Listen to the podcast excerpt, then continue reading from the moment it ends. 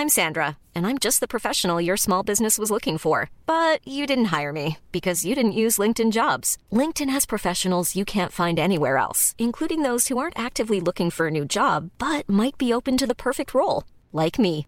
In a given month, over 70% of LinkedIn users don't visit other leading job sites. So if you're not looking on LinkedIn, you'll miss out on great candidates like Sandra. Start hiring professionals like a professional. Post your free job on linkedin.com/people today. There's never been a faster or easier way to start your weight loss journey than with PlushCare.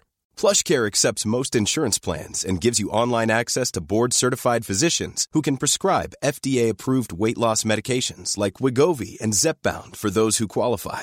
Take charge of your health and speak with a board-certified physician about a weight loss plan that's right for you. Get started today at plushcare.com slash weight loss. That's plushcare.com slash weight loss. plushcare.com slash weight loss.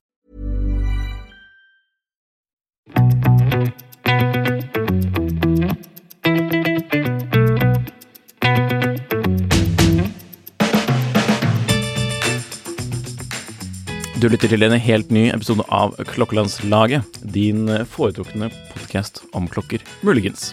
I dag så har vi faktisk gjest. Eh, Det er André Nygaard fra Urhandel. Han eh, selger jo da primært brukte klokker. Eller på, altså han handler jo på annenhåndsmarkedet, som noen eh, så fint kaller det.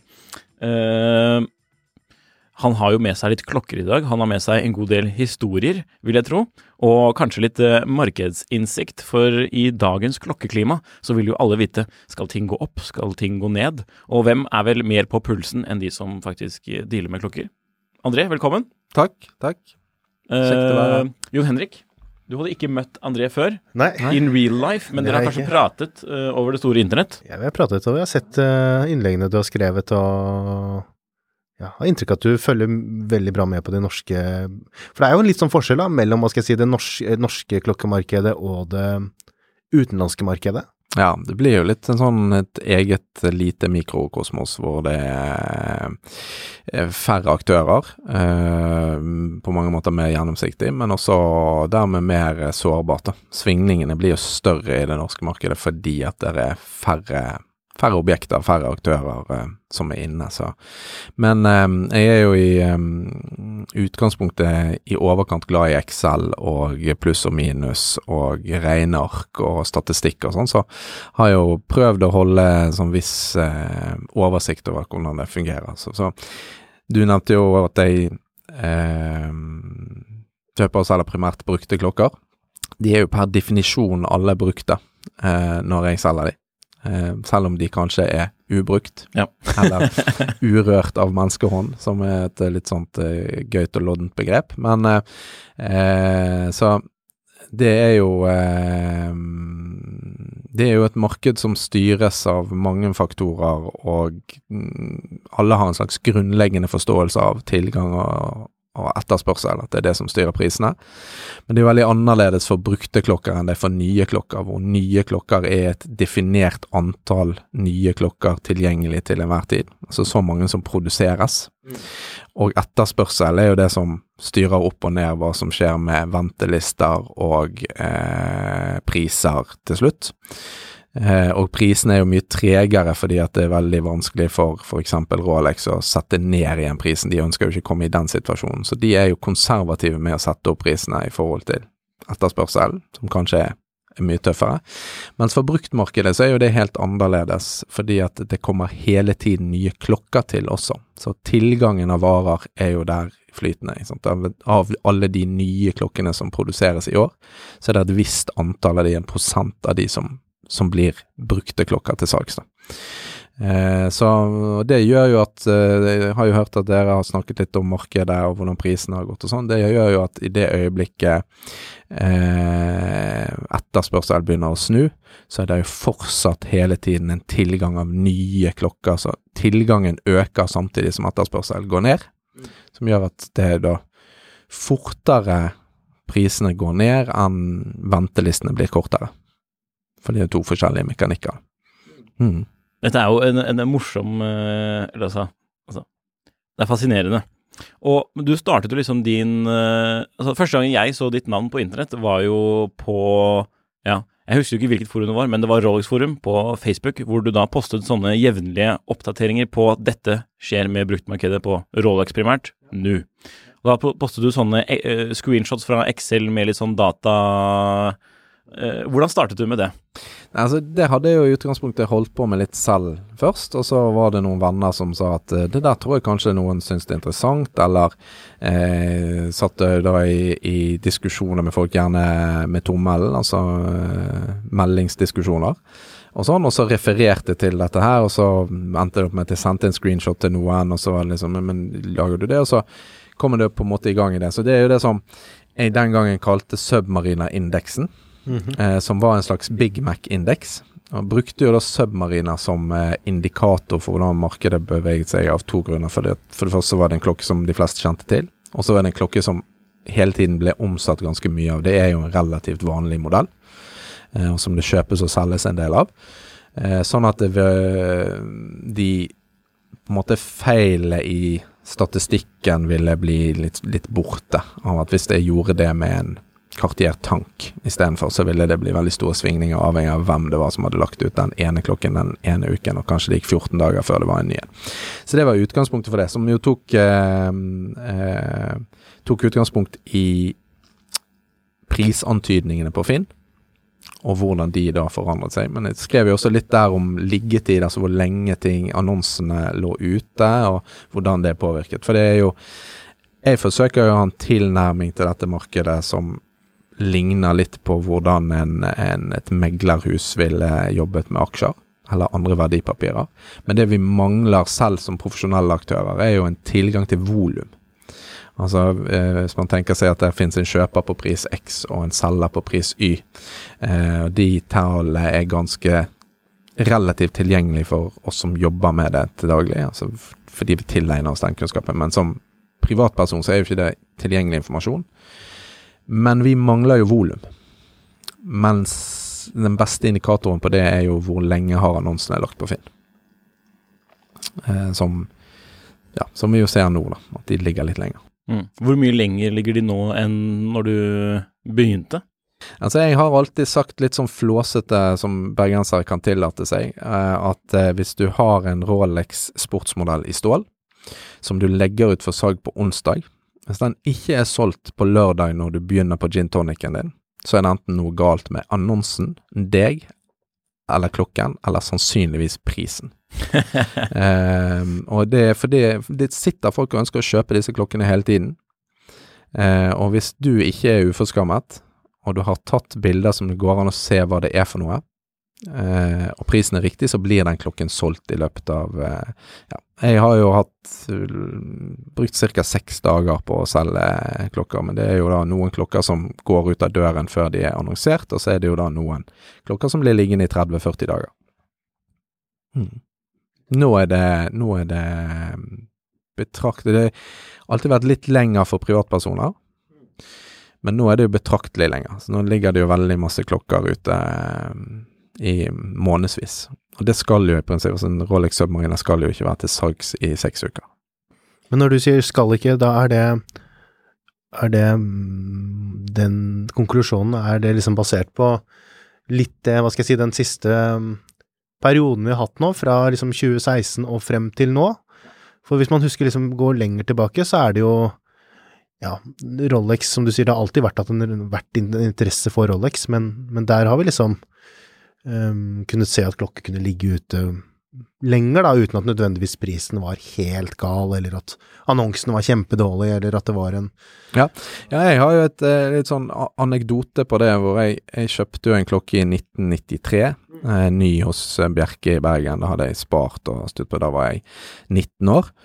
Eh, og eh, den klokken kostet 15 000. Jeg fikk 10 kontantrabatt, jeg betalte 13 500 for den. Eh, og så hadde jeg jo den ganske lenge. Når eh, finanskrisen kom, 2009-2010, nei, ja, så eh, bestemte jeg meg for å selge den, eh, og fikk ikke solgt den klokken for 15 000 kroner. Eh, det var no takers. Jeg hadde den ute på Finn. Eh, bildene mine var ikke like gode som de er i dag. Eh, min detaljkunnskap, selv om jeg hadde holdt på med klokker eh, og hatt en klokke eller to og sånt, var ikke så god som den er i dag. Men, men essensen er jo det at den, den ble ikke solgt eh, for 15 000. Prøvde igjen noen år seinere på 25. Ble fortsatt ikke solgt. Eh, klokken ble til slutt solgt i 2017 for eh, 47 000 kroner. Så um, Og det er jo litt interessant i forhold til den prisutviklingen som du sier der. Hva skjedde 2017? Eh, 2016 har liksom vært nevnt mer som et slags vannskille. Hvor man har sett at den klokken har jo hatt en fornuftig jevn stigning hele veien fra 93. Eh, og i dag så er jo det en, altså en eneiers eh, Det var en no date. Eneiers no date komplett fra Bjerke i dag er jo en 100 000 kroners klokke. Og på en kort periode her på forsommeren en klokke til 115-120. Eh, og eh, Så det har jo vært en eksplosiv utvikling i den perioden. Hmm. Det er jo Det har vært uh, utrolig. Hvor, hvor liksom Når du sier til folk som ikke er uh, klokkefolk, hva du driver med, hva, hva sier de da? Eh, det første er vel Oi. det blir en litt sånn Gordean-holdning. så jeg pleier å si at jeg er en slags oppskrytt skraphandler for det er jo samme bevilgning.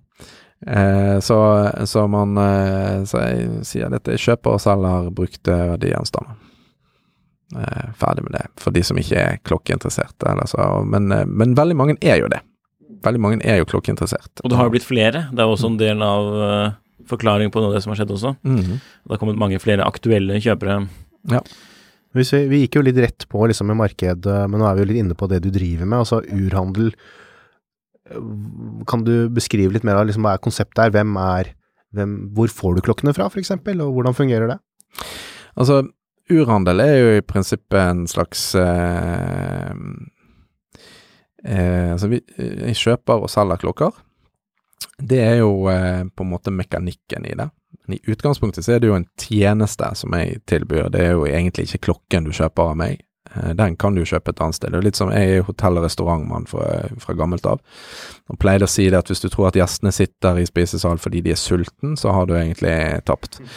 Eh, og det er litt samme med urhandel. Det er jo ikke fordi at man ønsker en, Fordi man lurer på hva klokken er at de kommer til meg. Eh, men eh, det er jo på en måte den tryggheten som ligger i å handle fra en virksomhet, men det er en litt andre garantier. Det er måten som vi opererer på. Så jeg kjøper jo klokkene av privatpersoner. Mm. Utelukkende privatpersoner? Utelukkende privatpersoner. Det er jo ikke noe Og Der finnes det jo masse konspirasjonsteorier, selvfølgelig, om at jeg har folk som ligger utenfor og skal kjøpe klokker, eller som setter seg på liste for meg, eller og sånn. Sånn fungerer det jo ikke i praksis. Og jeg kjøper jo heller ikke noen klokker direkte fra de norske eh, forhandlerne, merkeforhandlerne. Eh, også fordi at jeg ønsker å ha Dette skal jeg leve med til jeg blir gammel. Altså til eh, Jeg tenker vi ses igjen her når jeg er 72 år, eh, og kan eh, prate om det lange livet med urhandel. Så jeg ønsker jo å ha et godt kollegialt forhold til de norske merkeforhandlerne. Ønsker jo ikke på noen måte å gå i veien for de og skape konflikter eller problemer for de. Jeg har sågar fått e-post på at vi nå liksom er obs på at du lever av dette, og vi dessverre ikke kan eh, selge klokker til deg, og så videre. Men jeg har jo også solgt Jeg har kjøpt lite klokker privat direkte fra eh, merkeforhandlere også opp gjennom de årene som jeg har samlet på klokker. Så jeg kjøper privatpersoner. De aller, aller fleste har jo eid klokken en god stund. Eh, veldig mange har kjøpt den klokken brukt. Noen har kjøpt den ny, og hatt den en stund. Eh, enda færre igjen eh, ringer meg fra sikkerhetslusen på veien ut fra eh, merkeforhandleren sin, og de har kjøpt en ny klokke som de egentlig ikke lenger har lyst på, eller som de egentlig aldri hadde råd til, eller som de ønsket å, å kjøpe spekulativt, da. Eh, så det forekommer jo. Så hender jo at jeg får klokker som er helt nye, Eh, men det er jo da ikke fordi at jeg har gjort en samarbeid med noen om at de skal sette seg på, og så gjør vi noe profit sharing eller noe sånt. Jeg betaler jo da løpende markedspris for det som, som de betaler. Hmm. Jeg har vel faktisk ved én anledning kjøpt en klokke over disk, faktisk, når jeg tenker meg om. Eh, eh, ja. Moonswatch. Nei, det var, eh, det var faktisk en eh, Oyster Perpetual av den nye typen eh, 36 mm akkurat når de kom. Og da var det jo mye sånn usikkerhet knyttet til hva, hva kom til å skje til det. Eller egentlig ikke så mye usikkerhet. Alle var ganske sikre på at den ville opptre sånn som Oyster Perpetual 36 alltid hadde gjort, altså gå en litt under ny pris. Eh, og så var det sånn at det lå en slik rød korallrød, som den heter, i disk hos en av landets eh, eh, merkeforhandlere. Og jeg var innom og tittet, og det sto sånn eh, display only på veldig mye. Eh, men ikke på den. Og så viste det seg at den var til salgs, og så tenkte jeg det at eh, det her kommer jeg til å tape penger på. Men eh, det er jo litt sånn gimmick å være tidlig ute med det, og de var akkurat kommet, og hvis jeg kan få liksom snudd den i døren og sånn. Og så gikk jeg inn på Krono24 for å se hvordan opptrer markedet. Det var jo den, altså omtrent den dagen de kom. Og der lå de jo ute til eh, rett rundt ny pris, så da kjøpte jeg den. Og så viste det seg da de neste par dagene at den eksploderte på Krono. Uh, og så tenkte de at jøss, denne må jeg bare få solgt før folk får realitetsbehandlet at dette er en klokke til uh, 50 000 kroner. Uh, og så solgte jeg den igjen da like etterfor. For jeg tror vel den klokken koster rundt 52-53 ny, og jeg solgte den for 62 like etterpå. Og ble hudflettet for det, for øvrig. Men, men, det er jo en del av på en måte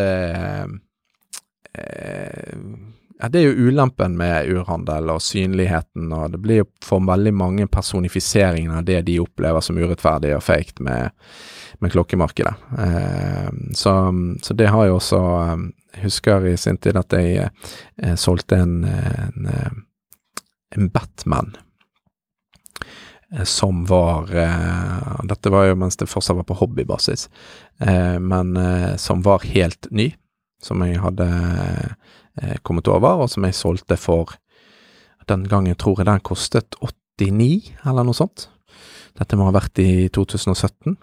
Og den eh, la jeg ut for 92 000 kroner, og folk gikk fullstendig av skaftet for at noen ønsket over ny pris for denne klokken. Det er greit at det er venteliste, men det får være grenser, liksom, var, var tanken. Mm. Det har jo endret seg litt. Ja, ganske. mm. Det er spennende, faktisk. Ja. Nei, så svaret på det du eh, spurte om, egentlig, er jo at eh, jeg kjøper klokker av privatpersoner. Eh, selger videre til privatpersoner.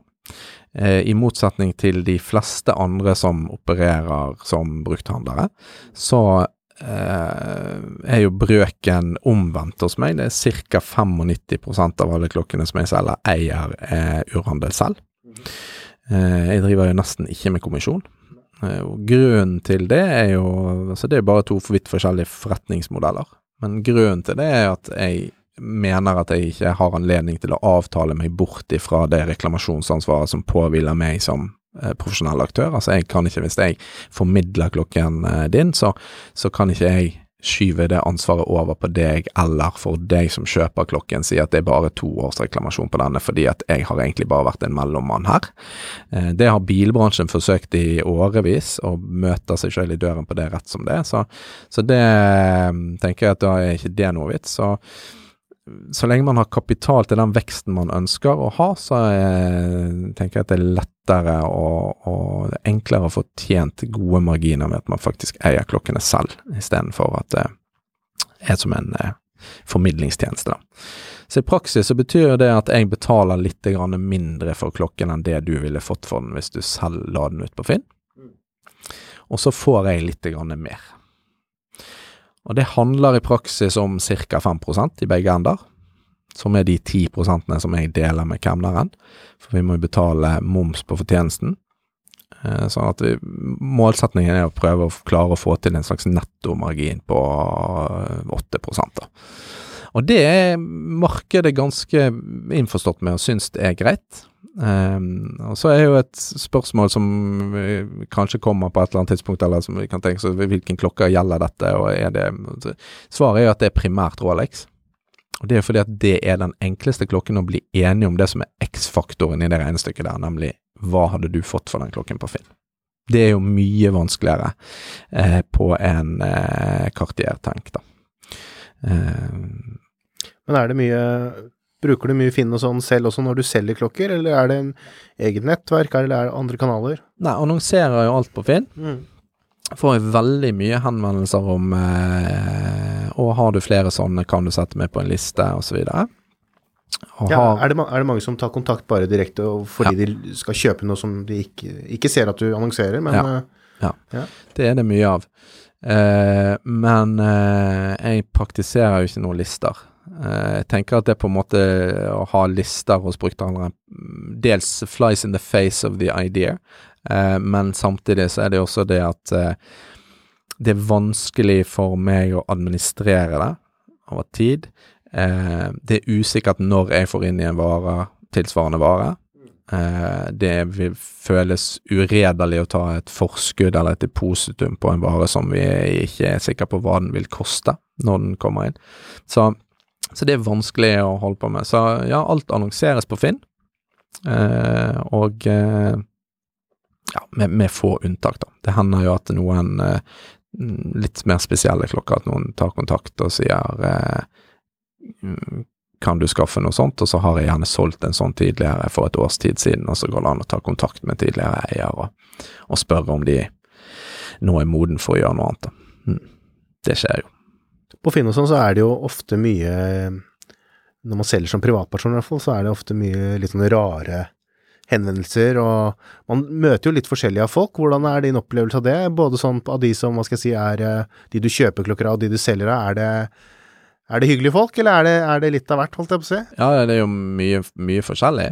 Eh, men jeg får jo heldigvis lite tilbud om innbytte i campingvogner og rustne spiker. Men, eh, men det er klart jeg får jo også eh, noe henvendelser på folk som ønsker å betale kontant, eksempel, som jo jeg ikke driver med. Eh, For brukthandelsvirksomheten er jo ansett for å være spesielt utsatt for hvitvasking, så vi er jo underlagt de samme kravene som forsikringsselskaper og banken i forhold til kjenn din kunde-prinsippet. Uh, og for å slippe å ha 16 sider med standard operating procedures på hvordan jeg håndterer kontanter, så tar jeg rett og slett bare ikke kontanter. Eh, men så de dukker jo opp. Men de eh, Og så er det jo veldig mange som har eh, Ja, som er klokkeinteressert selv og har en slags oppfatning av hva ting er verdt. Jeg bruker jo masse tid på eh, på henvendelser på telefon, og veldig mye av det er jo, blir jo ingenting av. Selvfølgelig. Mm. Som for en hvilken som helst virksomhet. Er det mye eh, prat om pris? Ja. Veldig mye prat om pris, og så er det jo også veldig mye eh, Alle har jo en strøken klokke de ønsker å selge. Det er jo eh, veldig sjelden noen ringer og sier at du, jeg har en litt sånn halvludden eh, submariner med mye dings som jeg kunne tenke meg å kanskje avhende. Det, det skjer jo ikke. Så, um, så det er jo en del sånn eh, i forhold til eh, hvordan ting faktisk ser ut.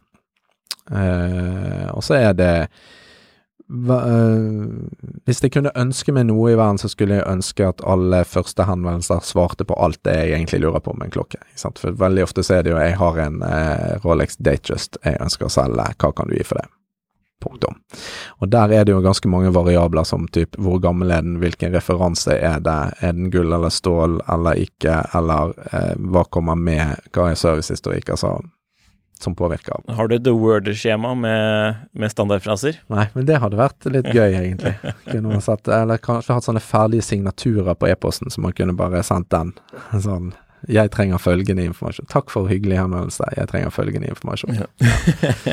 eh, så det blir eh, noe tasting. Mm. Mm. Så det er litt sånn forskjellig man opplever på Finn og på SMS og på telefon. Men har, har du noen sånne eh, ytterst unormale historier som du kan dele her på podden, tror du? Eh, altså, akkurat når det gjelder henvendelser fra, eh, fra fra Finn så er det liksom de, de, tror jeg de aller fleste har hørt før. De er ganske like for alle som, som prøver. Det er jo Kontanter er jo et tema hvor man gjerne blir tilbudt kontanter, og når man sier nei, det har jeg, så blir du gjerne betalt tilbudt 50% mer enn det klokken ligger ute til hvis du bare kan ta kontanter.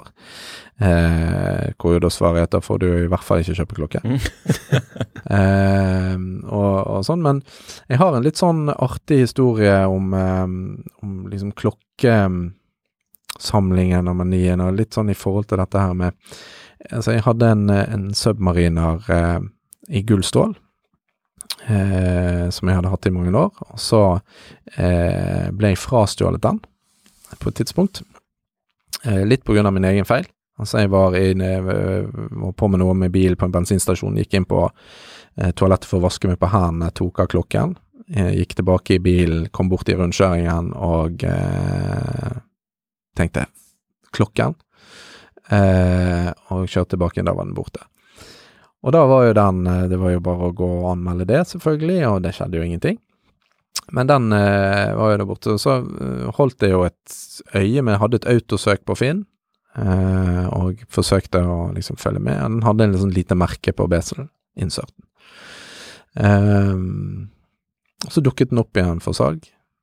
Eh, ja, dette var altså Når den klokken ble borte, det var i 2016-2017 eh, og som på en måte var startskuddet for min økte interesse av hobbyen klokker. Fordi at da måtte jeg jo ut og kjøpe meg en ny klokke. Og så begynte det hele å balle i. Det var vel da jeg ble medlem på Klokkeriet, tror jeg, første gang, og liksom tok det steget ut der, da. Og la vel ut den som, som stjålet på, på tidssonen og, og, litt sånne ting. Um, og eh, den dukket opp igjen altså i 2020 på Finn. Mm. Og da var det jo heldigvis hos en annen brukthandler.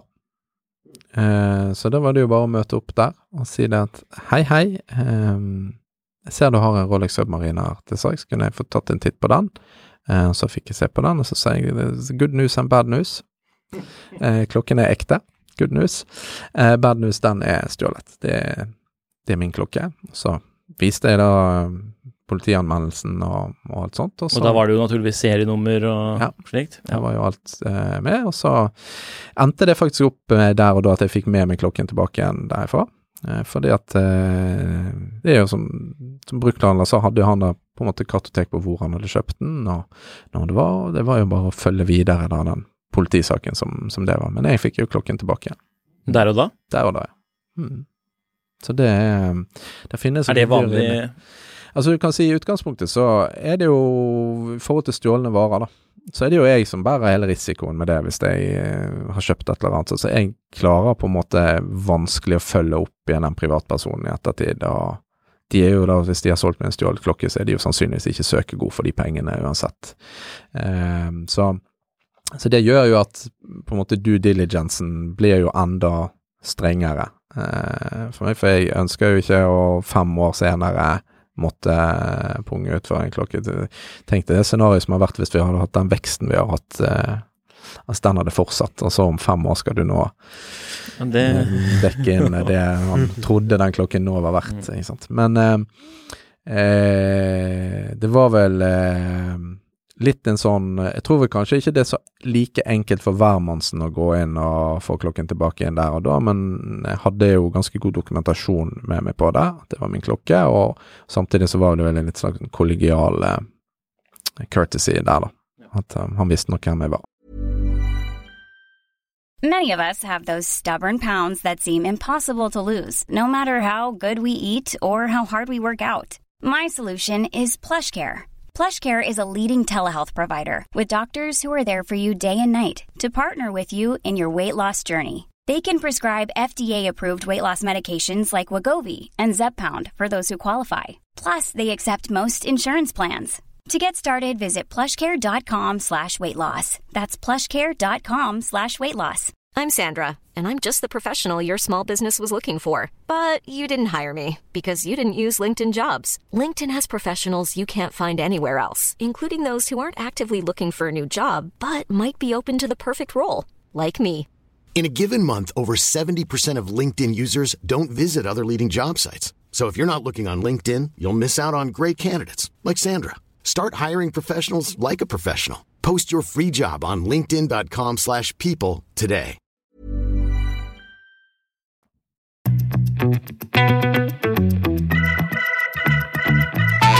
Hvordan gjør du eh, due diligence selv når du kjøper noe fra Altså For det første så søker jo jeg aldri Jeg tenkte jeg skulle presisere i forhold til det. Jeg leter jo aldri opp klokka på Finn og kjøper de. Det er jo henvendelser som kommer til meg. Så der får jeg jo Det er jo på en måte første eh, barrieren, er jo den first contact på hvordan er, er historien, hvordan er, er utgangspunktet for hva du presenterer, eh, osv. Og, og så gjør jeg jo en sjekk på personen. Jeg kjøper jo nesten aldri klokker uten boks og papirer. Eh, og eh, forsøker jo da å sette meg inn i hvem er denne personen, hvor lenge har du hatt klokken, hva er historikken på det, har du noe servicehistorikk på den, for eksempel, og så videre. Um, men det er jo først og fremst stjålne klokker man forsøker å unngå, og ikke minst klokker som er bevisst eh, unnlatt avgifter eller eh, sånne ting. Så det hender jo at folk tar kontakt med meg og sier at jeg har øh, vært i Marbella i sommer og kjøpt meg en ny Rolex og sånn. Er du interessert i å kjøpe den? Ja, veldig gjerne. Eh, hva har du av dokumentasjon og sånn? Det har jo alle papirer fra butikken og sånn. Ja, hvordan har du innført klokken? Ja, nei, det den har de bare hatt på hånden når de gikk inn, og så sier jeg det er jo vel og bra, men den kan jo ikke jeg kjøpe, da. Det er jo Da vet de jo at den er bevisst unnlatt å betale avgifter for, og det vil jo være heleri å selge den videre. På akkurat samme måte som hvis du kjøper pastielt par Air Force Ones på Karl Johan, så er jo det akkurat det samme. Så, så eh, man forsøker jo å gjøre den type due diligence. Eh, fake klokker er det jo veldig sjelden jeg ser noe til. Um, det er nok litt fordi at fallhøyden er større ved å forsøke å selge den klokken til meg, enn den er for eksempel hvis du går inn til, hvis vi tar vår lokale merkeforhandler her i Oslo på Rolex, hvis du går inn til Bjerke og har en fake submarine her og sier kunne du kortet inn lenken litt for meg, så kan det jo hende at du mot formodning møter en i butikken der som ikke har spesielt god kunnskap om akkurat det merket, og som eh, eh, gjør den jobben, og så får du med deg en kvittering på 250 kroner, eller hva det er for noe, for jobben. Og så har du bygget en slags provenans på den klokken som, som hvermannsen på Finn kan liksom Å ja, men den har jo vært inne hos Bjerke. Der står det jo gjerne bare diverse jobb, eller det står jo ikke lenkekorting. Eh, og hvis de blir oppdaget, eh, så er jo det som skjer, er at du bare får klokken tilbake og sier beklager, vi kan ikke hjelpe deg, det er uekte vare. Mens å forsøke å selge klokken til meg er jo et svindelforsøk, som jeg er jo pålagt i henhold til brukthandlerbevilgningen å anmelde. Jeg kan jo ikke velge om jeg vil gjøre det eller ikke. Uh, og uh, det er jo litt sånn som for DNB og disse andre bankene, at hvis man lar det gå ti år og aldri har anmeldt noen ting, eller aldri hatt noe varsel på hvitvasking, så kommer til slutt Økokrim og sier hvorfor er du så mye bedre enn alle andre. Det selvfølgelig noen som har vært inne og prøvd seg hos deg en gang. Så, så det, og de som sitter på falske klokker og vet de har falske klokker å selge, de tenker at det er mye bedre å bare legge den ut på Finn selv. Ja. Men jeg må ha ett spørsmål. Ja. Hvorfor tok du av uh, Submarineren når du vasket hendene? ja, ikke sant. Det var jo helt idiotisk. Ja. Men den er jo vanntett. Ja. ja, ja. Nei, så, så det er Stjålne klokker er jo det man er redd for. Eh, fake klokker eh, dukker jo sjelden opp. Og så, eh, igjen siden jeg er bergenser, så kan jeg tillate meg en litt sånn eh, arroganse og si at eh, jeg nok sannsynligvis ser eh, flere 114060 i løpet av et år enn den jevne ekstrahjelpen på Bjerke. Eh, fordi at de klokkene er jo ikke innom butikken i det hele tatt. Eller det kan være en 124060 for den saks skyld.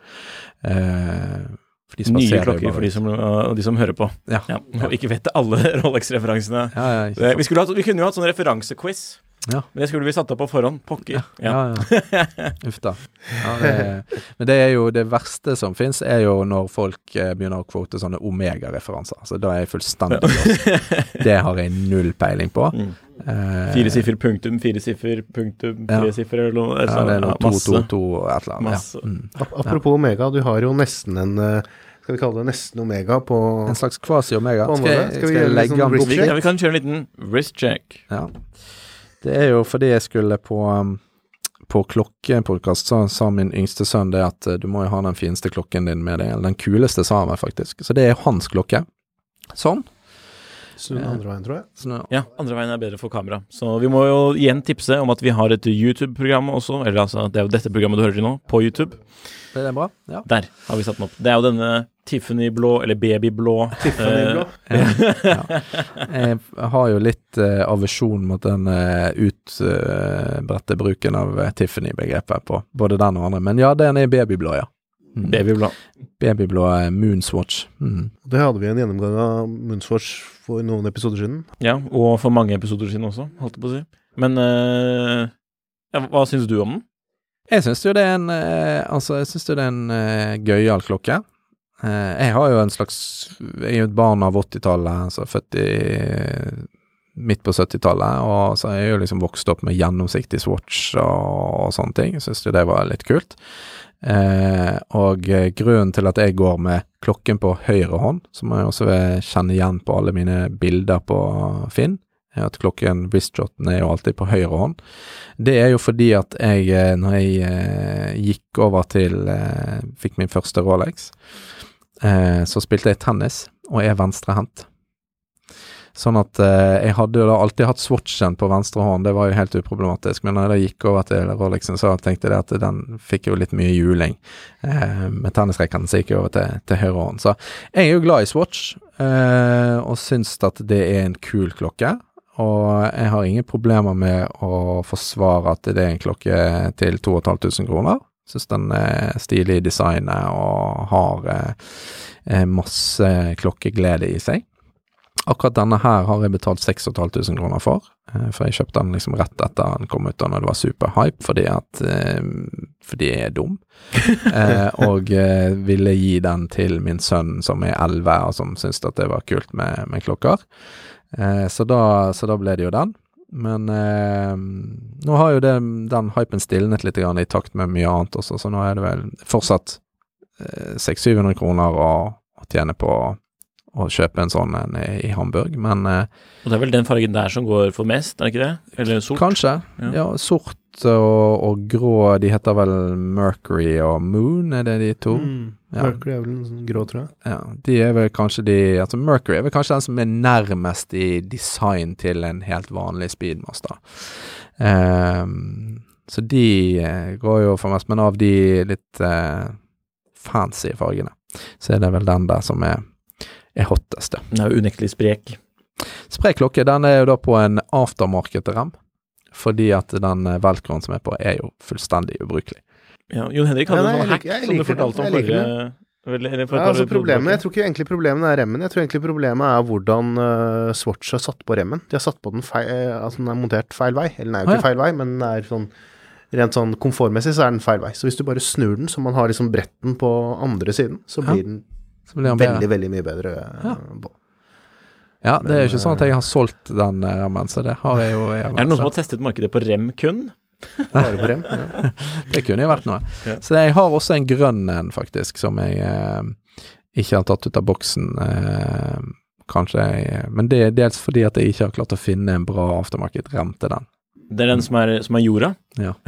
Som jo da er eh, Classic eh, rookie mistake er jo Mission to Earth, men den heter jo da faktisk Mission On Earth, tror jeg. Okay, I motsetning okay. til alle de andre som heter To et eller annet.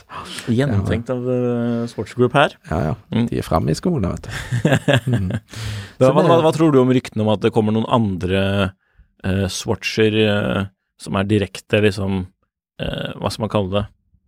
Eh, I samme stil, da.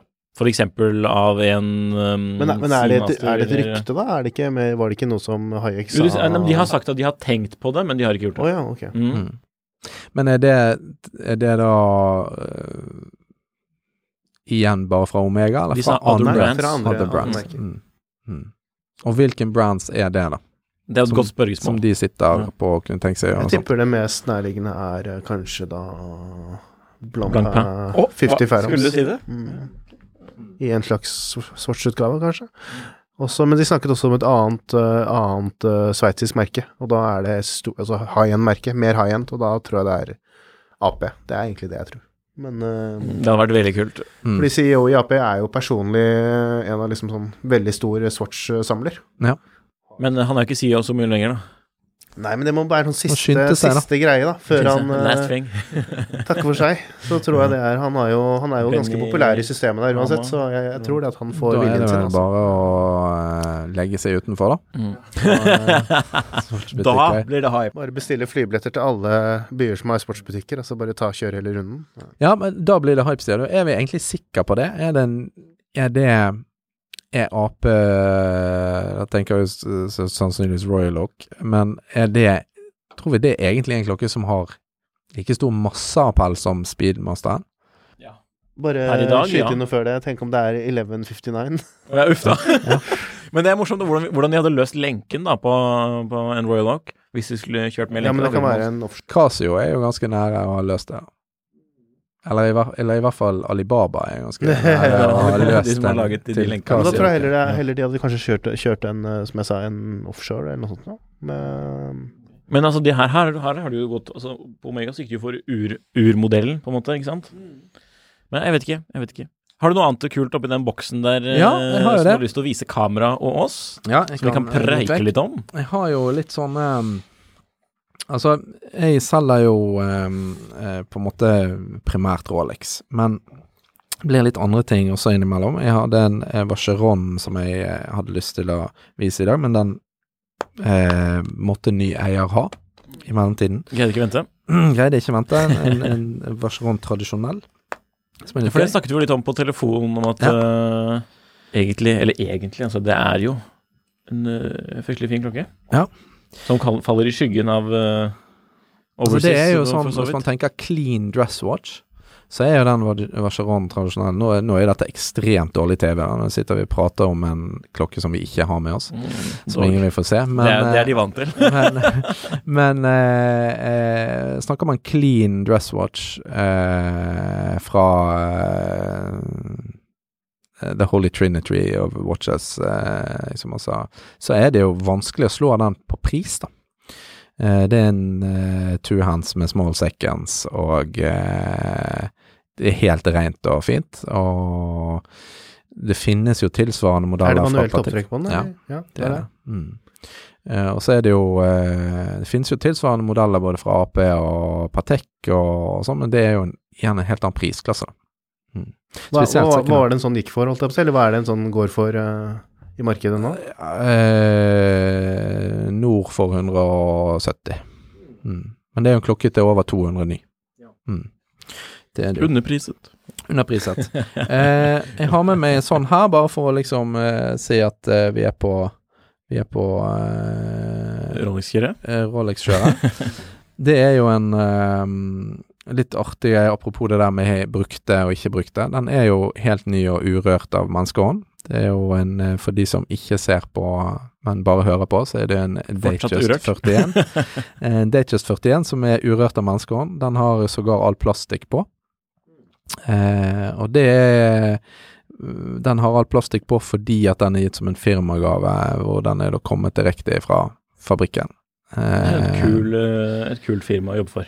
Ja, fint firma som gjør dette det for alle sine ansatte. enten Enten så er det et eh, revisjonsfirma, eller så er det et bils, bruktbilselgerfirma. Det er en sånn klokke som kunne vært for begge deler. Ja. Nei da, jeg bare tuller litt, fordi det er uh... Eh, og Ja, det, var, det er omdiskutert å si det der, Jon Henrik. Så jeg tar sterk avstand fra det, bare så det er notert. Nei det er litt internt. så, det er jo, eh, så det er jo litt artig. Det er jo da gitt til en kar som har jobbet 20 år i et firma, og som ikke har noe klokkeinteresse. Eh, og som da blir fordelsbeskattet for å få den relativt dyre klokken.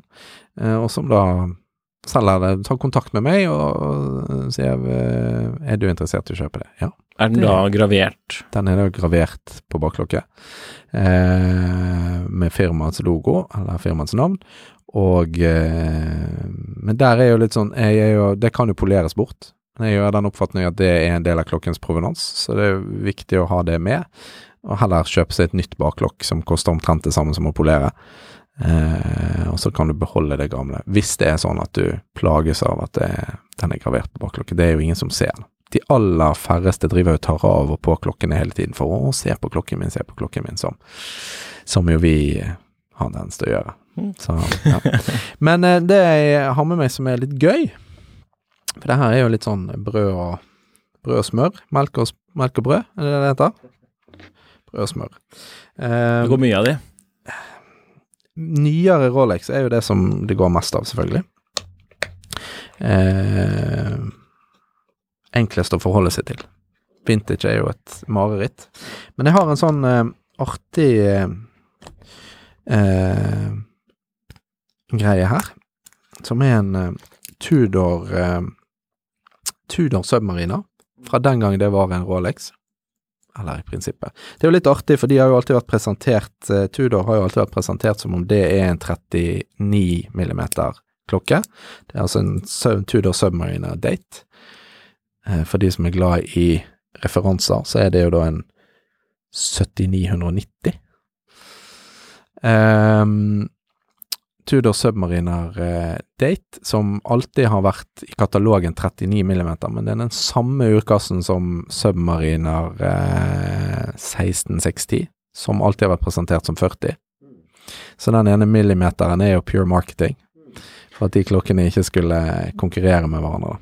Og det er jo et fenomen som vi ser fortsatt, egentlig. Det at man ikke helt kan stole på det som står i uh, spekksheetet fra merkene selv på klokker. Så er det jo litt an på hvor man måler på den klokka der òg. Mm. Ja, ikke sant. Men jeg har hatt en sånn derre 79090, ja, da, Ja. med sort skive og samme eh, hva skal vi, Veldig mye triangler på urskiven, holdt jeg på å si. Uh, ja. Fine klokker, det. altså. Veldig artig, og den blåfargen syns jeg kanskje er den fineste blåfargen som har kommet ifra Rolex Tudor. Eh, altså, den er jo helt magisk. Eh, det er en klokke som er en eh, som er en såkalt factory rebuild. Så den er eh, fra 99-2000 opprinnelig, men eh, bygget helt opp igjen med nye deler. Så alt er nytt, urverket er nytt, eh, lenken er ny, kassen er ny, kassehals, eh, krone osv. osv. Eh, urskiven er også ny, men eh, riktig time. Altså den er riktig for tiden. Og en av de siste av de urskivene, service-urskivene som Rolex eller Tudor fortsatt hadde igjen. Nå er jo ikke den urskiven tilgjengelig lenger. Viseren er også Hva, var det, hva er det som er i den opprinnelige klokken, da? serienummeret. Ja. Mm. Mm.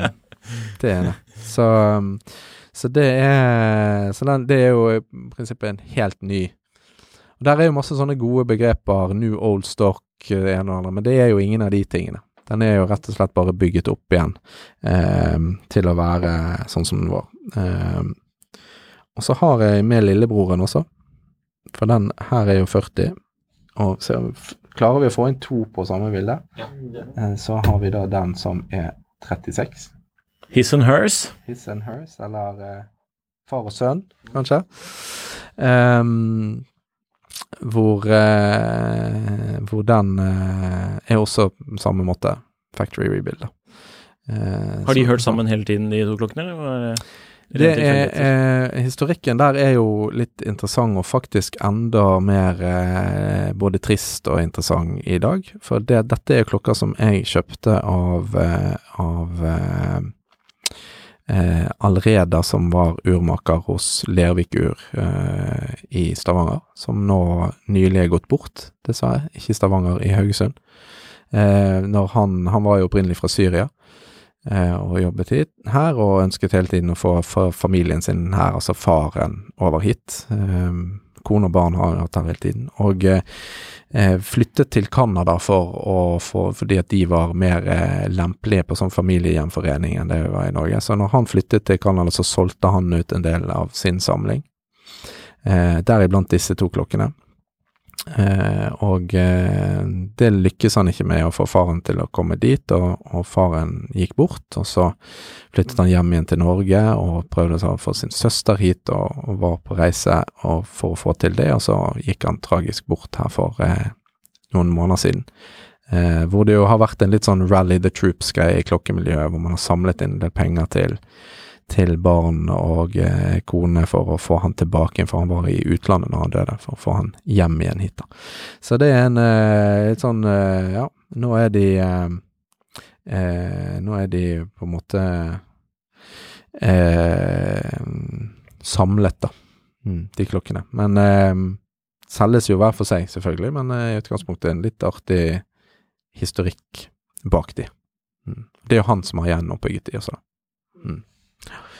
Så det, det, var liksom eh, kuriositetene som var eh, innom denne uken. Det er jo litt som vi snakket om innledningsvis, seks dager liggetid. Det ligger også en slags karenstid i eh, brukthandlerloven. Eh, hvor eh, vi er pålagt å ha klokkene i 14 dager, eller egentlig hva som helst, da. Om jeg kjøper en sølvskje av noen, så må jeg ha den i 14 dager før jeg har lov å selge den videre. Det er jo for at politiet skal kunne komme og lete etter tyvgods. Uh, uanmeldt, og det gjør de jo ikke. Eh, loven er jo ute på høring og har vært det ganske lenge, og blir sannsynligvis endret litt på. Jeg syns jo det er greit at vi har en slags lov og et regelverk der som på en måte styrer og ordner dette litt, men eh, der er en del ting med den loven som er fra 1900 pil og bue, når det var bare kontanter over disk på Oles brukthandel på hjørnet. Eh, så der er annet et krav om en eh, skraphandlerprotokoll, som er en håndskreven protokoll, og det er kun den ene protokollen, den blå boken, som man får lov å få godkjent i enkelte politidistrikt å bruke. Eh, hvor det i dag finnes mye bedre verktøy sant, til å holde styr på det. Og når du kjøper eller selger en klokke til meg så jo det, foregår jo det med en elektronisk kontrakt og signering med bank-ID, og alt er jo pengeoverførsler eh, eller betaling med kort i terminal. Sånn at alt er jo sporbart i dag på en helt annen måte enn det det var. Så loven er ikke rigget for, for det, da. Men, eh, men, når det er sagt, så er det jo varer veldig kort tid hos meg. Jeg snur jo i prinsippet varelageret mitt to og en halv gang i måneden. Sånn at eh, det var de kuriositetene som var her akkurat nå. Og så kan det være noe helt annet neste uke. Eh, eh, og med, med Jeg har også med meg to andre klokker, men alt, alt er jo egentlig solgt. Med unntak av dette. Ja. Og liksom, jo, Henrik. Nei, jeg bare tenkte bare for å komme litt inn på fremtiden igjen, ja, med mm. markedet fremover. Hva, ja. hva, er din take på, på, det? Det er jo litt farlig å være spåmann, men sånn hvis du jeg, Noen av oss lever jo og prøver å være det.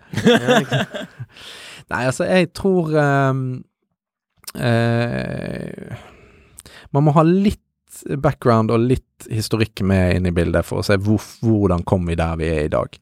Eh, i utgangspunktet så er det jo ikke det at det er blitt 70 000 medlemmer på klokkeriet som gjør at disse klokkene, disse troféklokkene som det, jeg har forstått er det nye eh, trigger-ordet for det, at de eh, troféklokkene er gått sånn opp i pris, det er jo ikke av at vi er blitt 70 000 medlemmer, eller at det er flere på forumet på tidssonen, eller Det er jo fordi at den russiske og kinesiske mellomklassen er begynt å kjøpe klokker. Eh, det begynte de med i den perioden når vi ser den liksom eksplosive utviklingen. Så blir det flere og flere av de.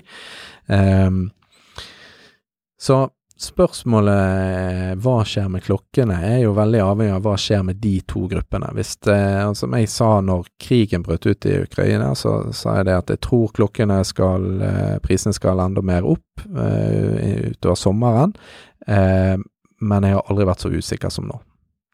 Fordi at hvis den russiske mellomklassen som da får sanksjoner, eh, nå begynner å hamstre klokker fordi at de ikke tør å sitte på rubler, så går prisene opp hvis de begynner å selge klokker unna fordi at de skal til Marbella likevel med familien i sommer, og de trenger euro for å få gjort det, så går prisene ned. Så det er jo på en måte litt sånn backdroppet på hvor vi er. Det skjer store ting makroøkonomisk som påvirker klokkemarkedet den ene eller andre veien. Eh, vi kan godt være litt usikre i dag på hva er en ny submarina No Date verdt eh, brukt i dag. Men det jeg er ganske sikker på, er at den er verdt mer i dag enn den er i februar, som kommer eh, Så når man begynner å få den fjerde eh, doble renteøkningen, begynner å merke den på autogirotrekket i banken, og vi kan risikere at de som har hytte på fjell, at strømregningen begynner å nærme seg 12 000 kroner i måneden. Uh, og uh, du, det er så lite gass i Europa at du får ikke lov å koke kaffen din før etter klokken ni på kvelden. Eh, bare for å krisemaksimere det litt, så er den Rolexen mindre verdt enn den er i dag. Eh, og det, så er det jo litt sånn en litt sånn artig greie, og det tror jeg vi har snakket litt om før, også på meldinger. Eh, sånn at veldig mange av de som er genuint klokkeinteresserte i dag, og eh, har dette som en kjempehobby, er litt grann historieløse. Altså, de er ganske nye og ferske på det, veldig mange. Veldig få av de som er flinke på disse klokkene i dag, som var med i 2009, eh, når finanskrisen kom. Veldig få av de som husker at veldig mange av de italienske, og spanske og greske forhandlerne gikk konk. Eh, da snakker vi om Rolex spesielt, og at Rolex ikke kjøpte tilbake noen av de klokkene. At de klokkene dukket opp på annenhåndsmarkedet uten stempel i kortet, og at det er derfor man i dag gjerne finner new old stock i hermetegn eh, av klokker fra Italia som da er referansenummeret til, eller serienummeret tilsier at dette er en klokke fra 2009-2008, eh, men eh, det står i sertifikatet at den er solgt eller den er datert i sertifikatet i 2015. Det er jo ikke fordi at klokken opprinnelig var solgt i 2015, det er fordi at den klokken ble tatt inn i et konkursbo. Eh, sånne ting tar tid, og så ble den omsider solgt av boet, og ikke av en forhandler. Og så tok det ca. til 2015 før noen gadd å skrive noe i det sertifikatet. Klokken er jo ikke noe mer enn new old stock av den, nå er det et ganske slitt begrep i seg sjøl, men, men eh, Så det har skjedd før, at prisene har gått ned. Og hvis jeg ser på i forhold til dette med submarina-indeksen som vi snakket om, altså hvis jeg ser på hva omsettes faktisk klokkene for i dag, og ikke hva ønsker man seg på Finn, så er jo der man omsetter eh, klokker i dag, så er vi tilbake igjen til prisnivået tidlig 2021. Eh, sånn at vi har mistet ca. 18 måneder, eh, hvis det ikke tar helt feil, av, eh, av eh, knappe 18 måneder av prisstigning. Da. Det betyr jo at vi fortsatt ligger veldig høyt i forhold til der vi var i 2017. Eh, og der er rom for at ting skal gå mer ned. Så er det jo sånn, det, det har jo hatt eh, min konkurrent og kollega Jonny innom her. Altså, for han og meg og, og, de andre som lever av dette, så er det jo ikke så viktig om klokken er verdt 200 000 eller om den er verdt 100 000. Vi eh, tjener våre på en måte marginer likevel lettere å omsette 20 millioner hvis den har vært 200 000 enn, enn hvis den har vært 100, men, men, samtidig så ligger på en måte marginene der i det. Det som er farlig for oss, er jo når klokkene blir liggende for 150, som er litt der vi er i dag, hvor det er veldig høy, fortsatt ganske høye prisantydninger på en del ting på Finn. Eh, hvor jeg stadig lar meg overraske av at det ligger en klokke ute til to stykker ligger ute til 140, og så er det noen som legger ut en til 169 og de to til 140 er ikke solgt fra før.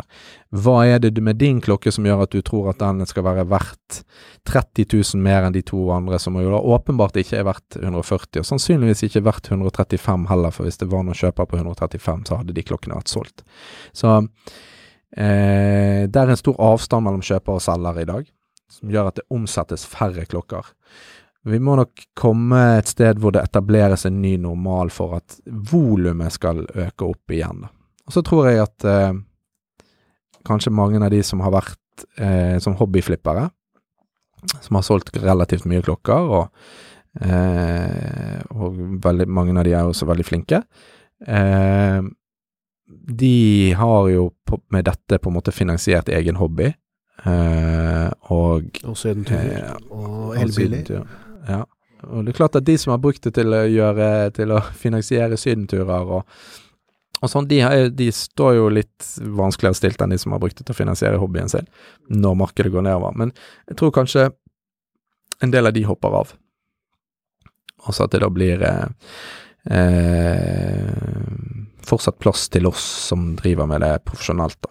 Og jeg ønsker jo egentlig alle velkommen til og ja, det vil jo helst at vi skal ha så mange profesjonelle brukthandlere som mulig. Eh, elsker at urmaker Bjerke har kastet seg inn i det og låner sin legitimitet til den bransjen som jeg er i. Eh, og Christensen har jo også kastet seg på det. Eh, dess flere profesjonelle aktører vi kan få, dess mer stuereint vil dette bli og fremstå, og dess flere av de som opererer i grenseland, vil bli borte. Så, men eh, markedsmessig så tror jeg altså at vi skal litt ned eh, fortsatt. Hvor mye ned?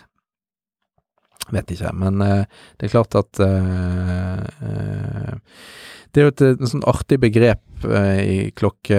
Sånn, jeg må ikke selge. Det har jo man hørt mange ganger. Og så er det jo veldig mange som har eh, lykkes med det, og tenkt det at eh, ja, ja, nei, men det er bare å vente på den rette kjøperen. Kom, rette kjøperen kommer. Virkeligheten er jo at eh, du venter, og så får du mer pris for den senere, og det, så tenker man at det, da er den rette kjøperen kommet, det er derfor du fikk den prisen. Men litt sånn, i litt sånn freakonomics-ånd, da, en festlig bok om, om, hvordan ting henger sammen, eller kanskje ikke henger sammen. Så er det ikke sikkert at det var fordi at den rette kjøperen kom at du fikk bedre betalt, men fordi du har ventet i seks uker på å selge den submarineren din, så er den blitt mer verdt i mellomtiden, sånn som markedet var. Og det er den samme kjøperen som egentlig hadde kjøpt den for seks uker siden, det er bare at nå er den verdt det du har hele tiden bedt om den. Det blir jo tvert om nå. Fordi at eh, eh, Nå er det jo sånn at eh, eh, hvis du har den filosofien, så taper du mer og mer penger. Den klokken din er mindre verdt i dag enn den var for seks uker siden. Og der sitter jo ganske mange som ikke ønsker å realisere et tap. Og veldig mange av de har ikke behov for å realisere et tap. Eh, og, og, kan vente. Og liksom, liksom mitt sånn generelle markedsråd er jo at hvis du har, sitter på en klokke i prisklassen 100 000 pluss, og du ser for deg at du trenger de pengene til noe ikke klokkerelatert eh, det neste året, så tror jeg jeg ville solgt den i dag. Eh, tenker du at du ikke har bruk for de pengene før om tre, tre og et halvt år, så tror jeg kanskje jeg ville let it ride og se og hvordan det går. Hvis man er interessert i klokken, eller interessert ja. i klokker. Ja. Mm. Så det er Så det er vel liksom uh, market tip of the day. Mm. Jeg, jeg, tror vi er ganske enige, egentlig. Vi har jo vært litt inne på nettopp det du, har, det du har nevner der med den avstanden som vi ja, Nå har ikke vi undersøkt til og har like godt uh, Vi har litt med magefølelse, da. Uh, at det er en ganske stor distanse mellom uh, um, etterspørselssiden og salgssiden i forhold til hvilke forventninger man har for pris. Og som du nevner, så tror jeg også det har noe med det at det er mange som har blitt kommet inn i klokkegamet i den perioden vi har hatt, og som ikke da ser at det faktisk kan gå ned, og at det kan fortsette ned. Og, men altså, hvor, hvor, hvor mye mener du liksom at prisene på Finn er overprises i forhold til hva de i realiteten går for sånn i, i, Og er det et særnorsk fenomen, eller ser man det også på internasjonale markedsplasser? Altså, det er jo lett for å bruke Krono 24 som en slags sånn målestokk, da. Og det har man jo gjort i denne her brukt-tradingen, eh, privatpersoner og profesjonelle, i, i årevis. Eh, litt med ulikt fortegn. I perioder så har det vært sånn at den norske prisen har vært krono pluss moms cirka. Det er liksom når det har peaket helt, det har vært størst distanse. Eh, sånn som det er nå, så er det jo, ligger vi litt under kroner på det faktisk, ting faktisk omsettes for her i Norge. Mens folk gjerne fortsatt har hørt den der kroner pluss moms, og annonserer det for det. Og da er det eh, ikke alltid de laveste prisene på kroner heller, men Nei. kanskje liksom den midten. Og det er jo kanskje den største feil du gjør på kroner, er jo å begynne å filtrere. Og så begynne å finne Jeg skal ha en som er akkurat fra 97 og den skal ha akkurat papers, og så skal den ha akkurat det, og den skal ha akkurat det, og så blir det egentlig veldig smalt. Og så kan det hende at den ene billige klokken på Krono var akkurat fra 97, eller sannsynligvis så var det veldig få fra 97, og de to som ligger ute var urealistisk høyt priset i. Så enkleste måten å bruke Krono er jo bare serienummer, box and papers, og hva er den billigste klokken. For det som det som alle klokkene på Krono har felles med alle klokkene som ligger på Finn, er at ingen av de er solgt. Ja. så, så, det er jo bare liksom Det er det man kunne tenke seg for. Um, jeg ser jo en vridning fra hvor jeg tidligere hadde en Um, så jeg hadde en ti henvendelser for dagen. Beklager. Um, samlet av folk som ønsker å selge, og folk som ønsker å kjøpe klokker. Det kan være klokker jeg har annonsert, eller klokker de ønsker seg. Uh, I dag så har jeg ca. 35 for dagen henvendelser, hvorav tidligere var det kanskje eh, tre henvendelser på dagen for folk som ville selge klokker, og eh, syv av de var folk som ville kjøpe klokker. I dag så er det 35 henvendelser, hvorav det er tre av de vil kjøpe klokker, og resten ønsker å selge klokker. Men jeg kjøper jo mindre klokker i dag enn jeg gjorde før. Det er jo ikke fordi at det er mindre kapital til å kjøpe klokka med, men det er rett og slett fordi at det er veldig mange henvendelser som har urealistiske, eller slik jeg oppfatter det markedet, med min subjektive vurdering, urealistiske forventninger til hva klokkene deres er verdt. Og det er ganske mye. Altså, på en klokke til 150 000 kroner så kan det godt være snakk om en eh, altså reell utpris fra meg kontra det de ønsker seg, for klokken kan være en 30 35 000 kroner. Det har jo alltid vært en diskusjon der om 5000-lapper, hit eller dit. Eh, og eh, får jo ofte svar da at eh, liksom når jeg sier at men eh, det tror jeg ikke du får for klokken din, og så, så sier de jeg, jeg skjønner at du skal tjene penger, for jeg har alltid ute og sånn, og det, det er jo helt riktig, men det er ikke det jeg svarer på nå. Nå svarer jeg på at den prisen du ønsker deg, den er det ingen som betaler. Og så er det sånn at jeg betaler jo 5% mindre enn alle de andre, nødvendigvis, men Men de eh, Men ja, det er, det er stor distanse, altså. Akkurat det der med krono som en sånn indikator på hvor prisen er, er også noe som jeg bruker litt, eller har brukt opp igjennom, da. Men da har jeg liksom alltid vært der på, og jeg har ikke vært spesielt på Rolex, men på andre merker, så har jeg vært litt på det samme, at jeg har tenkt um, egentlig det billigste det går for der. I forhold til hvordan jeg kjenner det norske markedet på, på litt andre merker enn Rolex. Det er egentlig der jeg tenker at ok, rundt det pluss-minus noen tusen, det er en pris som er ålreit. Det kan godt hende jeg kunne fått eh, litt mer, og det kunne godt hende den burde vært enda billigere for å selge den raskt, men det er sånn cirka der jeg, jeg, tenker det er et godt utgangspunkt for å sette en pris hvis man skal selge noe brukt, da. Ja, altså hvis man tar, eh, man tar for eksempel et merke som Panerai, da, som tross alt omsettes en del brukt, mm.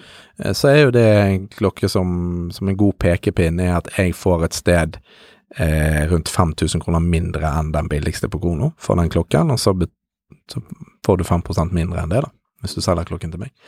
Så, og det er jo For det er jo et merke som har en tendens til å ligge ganske lenge på Finn, ikke sant, fordi at den man venter på den rette kjøperen. Som jo egentlig bare betyr at klokken blir mer verdt. Det er jo tross alt et ganske lite land med egentlig en ganske liten ja.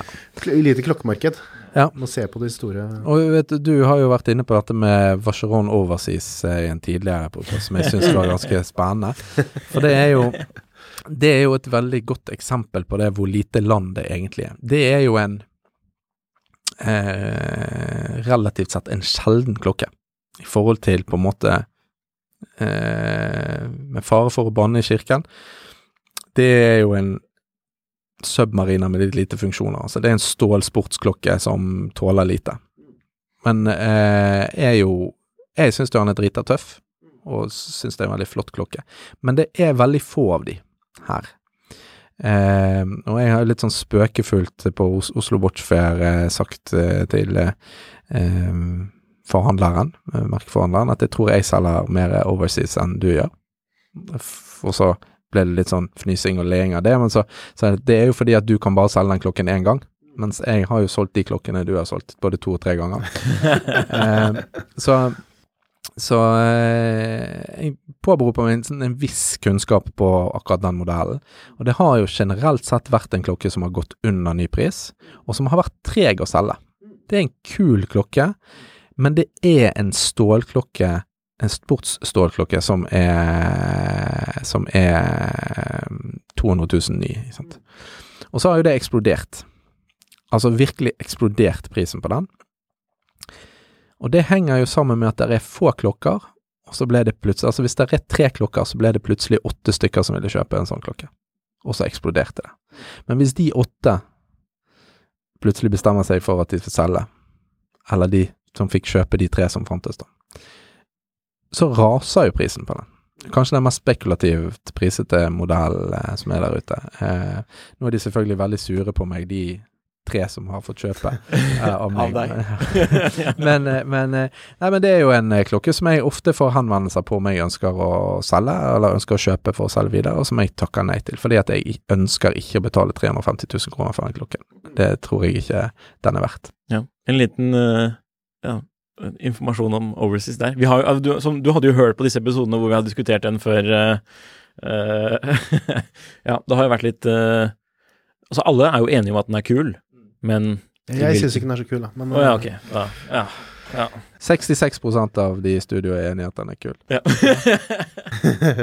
Viser nyere Ja, André, er det noe du har lyst til å melde sånn avslutningsvis? For vi har fått beskjed om at vi har nådd vår timerlinje for i dag. Ja, ja, Vi har, og vi har allerede skjønt at uh, du må komme tilbake til studio, for at dette har jo vært eh, utrolig interessant å høre på og prate om. Vi har ikke fått sagt om noen ting av det vi hadde tenkt å snakke om. Men uh, vi får jo håpe det var uh, matnyttig eh, alt. Nei, altså, jeg har ikke noe å melde. Det er bare å følge med.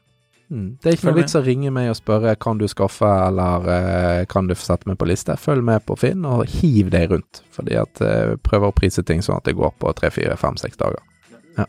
Duly noted. Dette var da André Nygaard fra Urhandel som vi har pratet med i dag. Og du har hørt på Klokkelandslaget, en podkast fra Finansavisen i samarbeid med tidsson.no, hvor Jon Henrik er eh, sjefen her. Så logg inn på forum og diskuter i Klokkelandslaget-tråden vår, f.eks. Og bli med i Facebook-gruppen. Send Send spørsmål. spørsmål til Jon Henriks hjørne, hvor han svarer på selv de vanskeligste spørgesmål.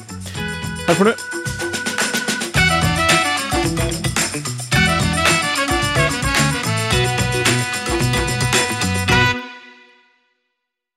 Klokkelandslaget er en Finansavisen-podkast i samarbeid med Tidso. Programleder er Nicolai Giel og Jon Henrik Haraldsen. Produsent er Lars Brenden Skram. Podkast- og videoansvarlig er Marius Mørk Larsen. Og ansvarlig redaktør er Trygve Hegnar.